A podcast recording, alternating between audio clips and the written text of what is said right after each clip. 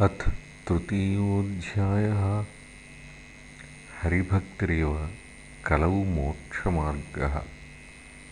श्रीशुक उवाच एवमेतन्निगदितं पृष्टवान् यद्भवान् मम नृणां यन्म्रियमाणानां मनुष्येषु मनीषिणाम्।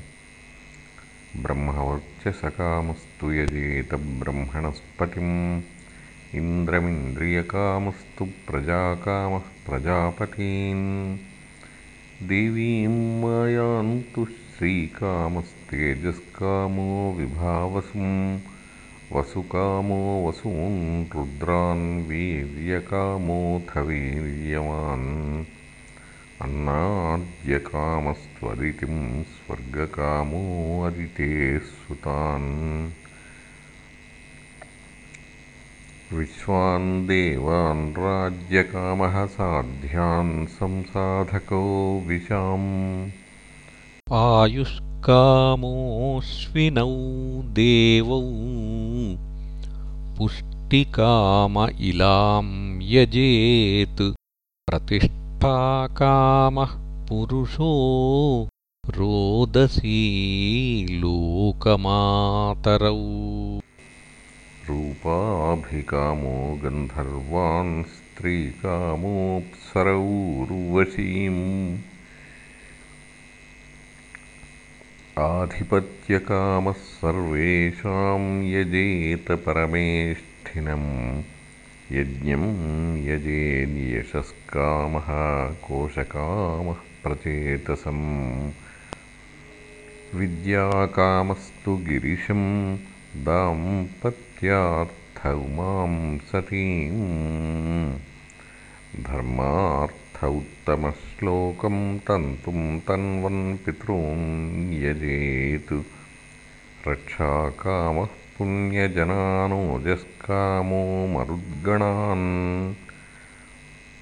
राज्यकामो मनून् देवान् निर्वृतिं त्वभिचरन् यजेतु कामकामो यजेत् सोमम् अकामः पुरुषं परम्। अकामः सर्वकामो वा मोक्षकाम उदारधीः। तीव्रेण भक्तियोगेन यजेत पुरुषं परम्।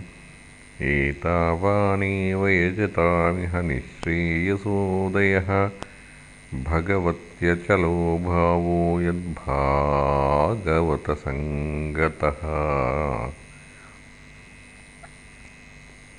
ज्ञानं यदा प्रतिनिवृत्तगुणोर्मिचक्रम् आत्मप्रसादौत यत्र गुणेष्वसङ्गः कैवल्यसम्मतपथस्त्वथ भक्तियोगः को निर्वृतो हरिकथासुरतिं न कुर्यात्।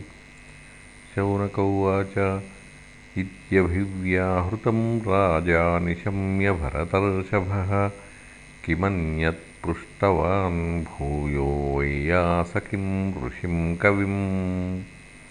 एतच्छुश्रूषतां विद्वन्सूतनोऽर्हसि भाषितुम् कथा हरिकथोदर्काः सतां स्युः सदसि ध्रुवम् स वै भागवतो राजा पाण्डवेयो महारथः।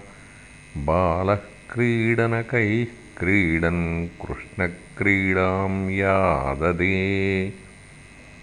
वैयासकिश्च भगवान् वासुदेवपरायणः उरुगायगुणोदाराः सतां स्युर्हि समागमे।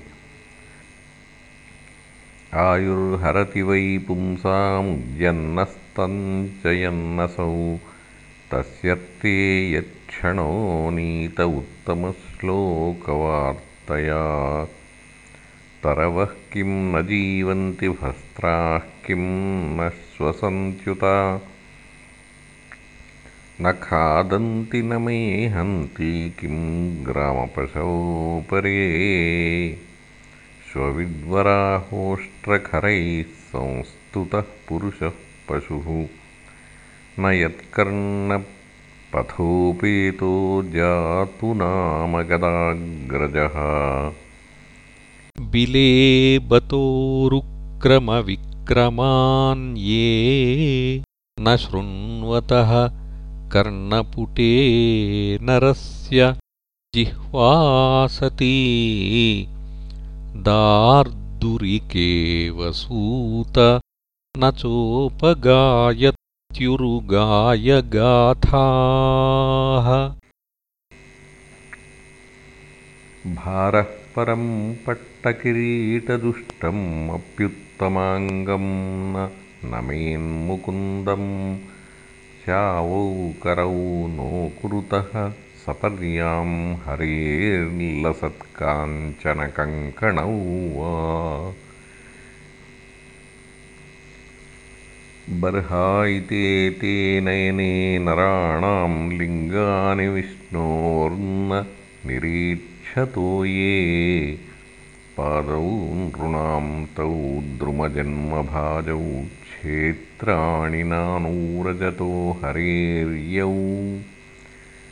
जीवञ्छवो भागवताङ्घ्रिरेणुं न जातु मत्योऽभिलभेतयस्तु। श्रीविष्णुपद्यामनुजस्तुलस्याः श्वसंशवो यस्तु न वेदगन्धम् तदश्मसारं हृदयं बतेदं यद्गृह्यमाणैर्हरिनामधेयैः। न विक्रियेताथ यदा विकारो नेत्रे जलं गात्ररुहेषु हर्षः।